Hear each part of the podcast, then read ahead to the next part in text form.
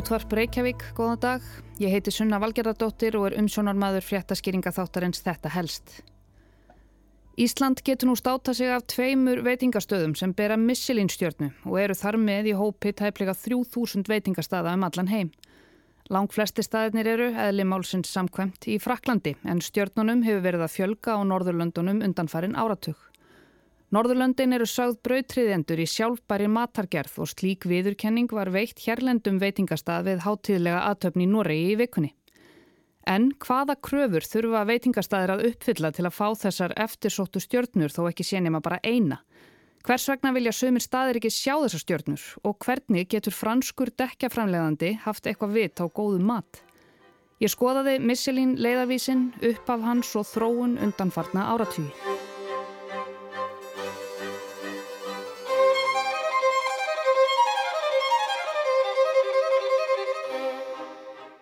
Michelin stjórnurnar eiga sér nokkuð áhugaverða sögur sem er að mörgu leiti samtfinnuð sögu bílsins.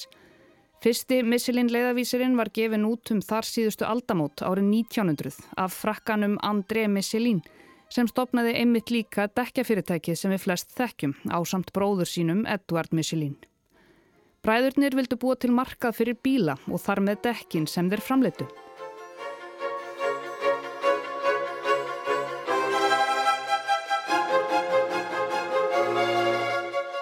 Fyrsti leiðarvísirinn sem bræðurnir prentuðu í um 35.000 eintökum var líka með leiðbenningum um hvernig ætti að skiptum dekk og gera við þau.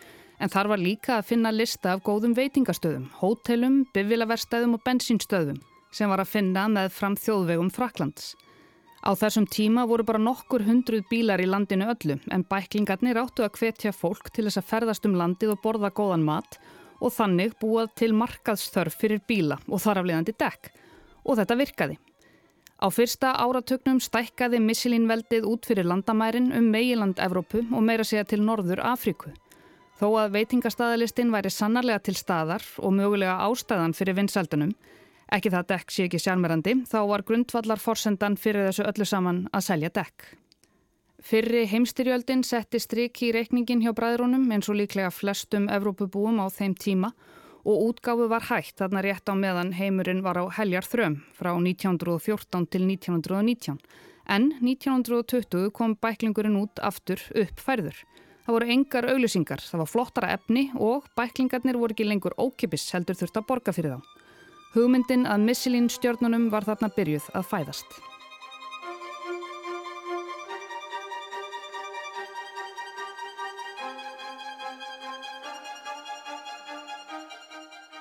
Fyrsta stjarnan var gefin árið 1926 í Fraklandi eins og gefur það skilja. Veitingastæðinir fengur stjörnu eður voru skilgrendir líklega af bræðrunum og þeirra slekti sem Fine Dining Establishment eða staður þar sem er hægt að fá fínan mat. Fín matarstofnun. Nokkrum árum síðar var stjörnukerfið þróað í eina til þrjár eftir gæðum staðana eins og það er í dag. Missilinn leðarvísirinn hefur vissulega tekið miklum breytingum síðan þarna fyrir um 90 árum og núna snýst hann einungis um mat og veitingastæði en ekki dekk. Nú hefur þetta meira sig að snúist svo litið við því að þau eru farin að gefa grænar stjörnur fyrir sjálfbærni sem við megum aðeins hoss okkur á en meira um það á eftir. Ólíkt flestum svona stjörnugjöfum er ein stjarnar alls ekki sleimt mál. Það er raun að bara frekar frábært að fá eina stjörnu og gífurlegur heiður fyrir veitingastað. Þeir eru nefnilega ekki drosalega margir veitingastaðir heimsins sem fá þessa stjörnu. Hvað þá þrjár? Einn stjarnar þýðir samkvæmt Missilín dómurunum að staðurinn sé mjög góður á sínu sviði, skarar fram úr. Tvær stjörnur þýða að staðurinn sé frábær, maturinn virkilega góður og vandaður og alveg þess virði að gera sér ferðangað. Það kemur ekki fram hvort það sé mælt með því að fara á bíl með dekkjum eða taka almenningssamgöngur. Þrjár stjörnur eru svo það besta. Fram úr skarandi matur, alveg þess virði að gera sér sérstaka ferð á staðin. En þetta er ekki alveg svona einfalt. Veitingastæðinir þurfa að uppfylla mjög ströng skilirði til þess að fá stjörnurnar og sömu leiðis að viðhalda þeim. Allt þarf að vera tipp-topp. Þess vegna er ekki ókipis að fara á missilinstæði. Þeir eru yfirleitt frekar dýrir, misdýrir þó. En hvernig fær maður stjörnu? Missilin teimið velur veitingastæði þar sem óenginnisklættur innan gæsalappa matargagrínandi fer á og borðar. Hann skila svo skýslu um allt heila klappið, upplifunina frá A til Ö, allt frá lyktinni sem tekur á mótunum í fatahenginu, yfir í hvort leður mappan upptanum reikningin sé skítug eða ekki. Allt þarf að vera 100% eða næstum því 100%. Gaggrínandin hefur fimm atriði sérstaklega í huga við skoðun sína. Gæði hráefna á matarins, bragðheimurinn og eldunartæknin, personuleiki kokksins og hvernig hann byrtist í matnum sem borin er fram, fylgni verðs og gæða og hvort það sé samræmi á milli heimsókna gaggrínandans í dulargerfinu þar að segja hvort viðkomandi hafi nokkuð lent fyrir tilviljun á sérstaklega góðu kvöldi þarna í fyrstu heimsókninni. Síðan er málið sett í eins konar nefnd og teimið velur staðina út frá einni, tveimur eða þremur stjórnum. Stjörnurnar eru svo afhendar við hátíðlega aðtöfn ár hvert. En hversu mikilvægar eru þessar Michelin-stjörnur? Nú eru um það byl 3000 veitingastæður um allan heim sem er að minnstakosti með eina Michelin-stjörnu. Lang flesta raunar í þeim flokki, eða um 2300. Það eru bara 113 veitingastæður á heimsvísu með þrjástjörnur. Og það er engum blöðum um það að fletta að það er mikil heiður að fá þessar stjörnur. Viðskiptin blómstra umfjöllun ykst og sömulegis auðvitað pressan sem því fylgir að viðhalda stjörnunni og orðspórunu sem fjækst meðinni. Og vegna þessar pressum þá hefur það verið vaksandi tilneying í heiminum að kokkar í raun afþakka eða afneita þessum stjörnum. Þeir segja kerfið úrelt og að viðskiptavinir og starfsfólk líði í raun fyrir það. Það eru meira segja dæmi um að eigendur veitingastada fari fram á að stjarnan þeirra eða stjörnurnar verði fjarlæðar. Þeir segja væntingarnar og kröfur stjórnugjafarinnar frekar hamlandi fyrir sköpunar gleði kokkana en hvetjandi. Síðan eru það ekkert kokkarnir sem fá stjórnurnar heldur veitingastæðinni sjálfur. Sumir segja að það sé einfallega of mikið stress að viðhalda stjórnunni eða stjórnunum og það sé bara ekkert lengur gaman í vinnunni. Allt snúist um stjórnurnar en ekki matinn eða viðskiptavinnina.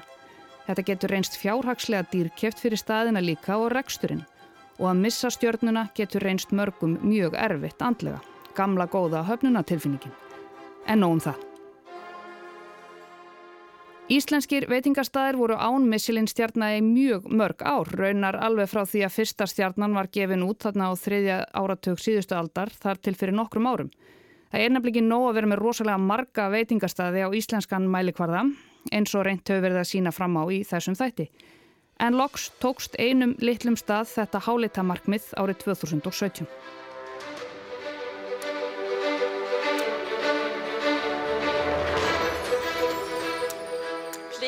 welcome on stage chef Ragnar Eriksson from the restaurant Dill from Reykjavik, Iceland. Congratulations chef! Ragnar Eiríksson, þá yfir kokkur á Dill, tók þarna við fyrstu Michelin stjörnu landsins við hátíðlega aðtöfn. Þau sögðu þarna að Dill hefði raunar verið ástæða fyrir ferðalagi Michelin fulltrúans til Íslands. Dill made the inspector's mind actually to go to Iceland. It's a top destination worthy of a Michelin star. The inspectors has noticed how the chefs worked really gracefully. No... Kokkarnir voru sagðir virðulegir, ekkert kæftæði í eldhúsinu, fallegir diskar og fallegur matur. Ragnar var að vonum hræður og sagði þetta stórt og mikilvægt skref fyrir íslenska veitingabransan í heilsinni. Missilín fulltrúin sagði þarna líka að Ísland hafi ekkit endilega verið beint á radarnum hjá matgæðingum heimsins en nú sé það sannarlega komið ángað. Iceland was also uh, one of the uh, places that we went and uh, much like the Faroe Islands, it's a, a country that is not necessarily uh, on the gastronomic radar, it's not on the, the foodie radar as they say, Ári síðar 2018 hlaut veitingastæðurinn Skál á hlæmi matöll Bib Gourmand viðurkenningu frá Michelin.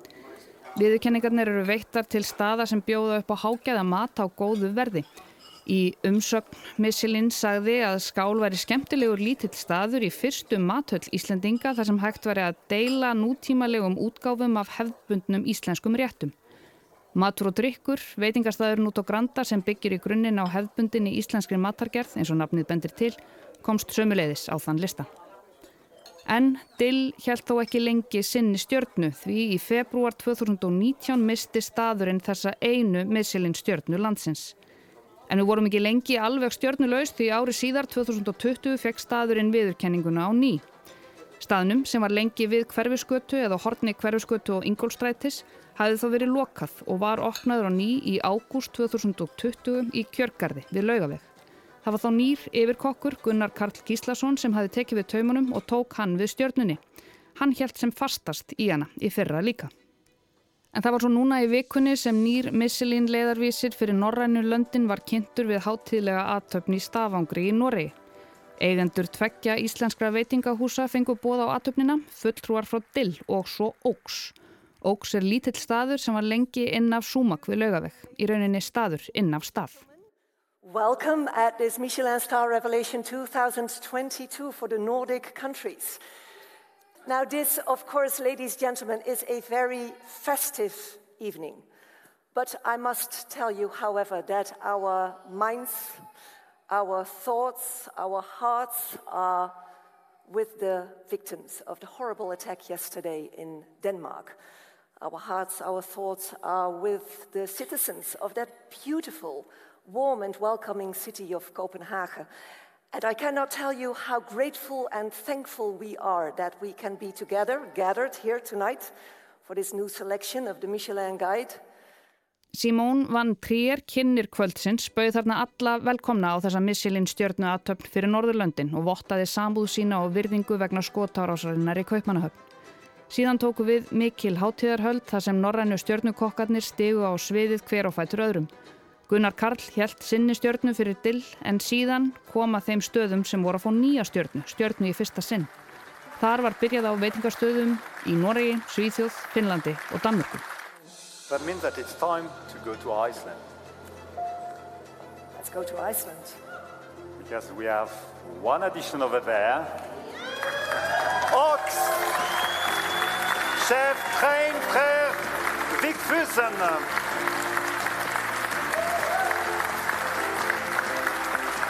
So the second star restaurants for Iceland.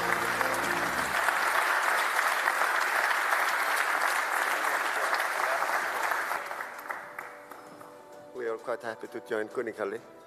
Apparently, you are also moving with your restaurant Yeah, we are, we are exactly at this time relocating. We are building a new spot, so it's quite, exciting for us. We're going to elevate everything from the new old location. So that's the spot to be in Iceland once we go, of course, to Reykjavik, which we all will do. So congratulations I to recommend it. you. You recommend it, of course. Thank you.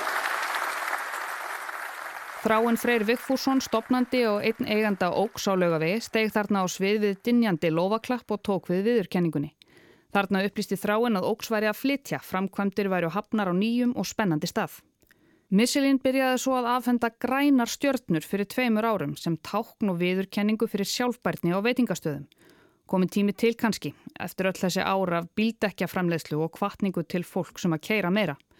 En við skulum halda okkur í stafangri og spóla áfram til afhendingarinnar á grænu stjörnunum. Michelin segir norrænu veitingastæðina sérstaklega sterka þegar kemur að sjálfbærni og að þeir séu í raun brautriðendur á þeim vettvangi þegar litið er til heimsins alls. The chefs of the Nordics countries have always had a very strong philosophy Norrænir kokkar hafa alltaf sett sjálfbærni í forgrunn og unnið vel eftir þeirri lífsbeki. Með því að vinna með hráefni úr heimabyggð, minka kólefnisfótsporið og umfram allt að sína viðskiptavinum sínum fram á að hugtakið að fara út að borða sé margskonar. Dill var þarna fyrst á lista yfir 38 veitingastæði á Norðurlöndunum sem hlutu viðurkenninguna að þessu sinni, staðir sem eru taldir skara fram úr þegar kemur að sjálfbærni í matargerð.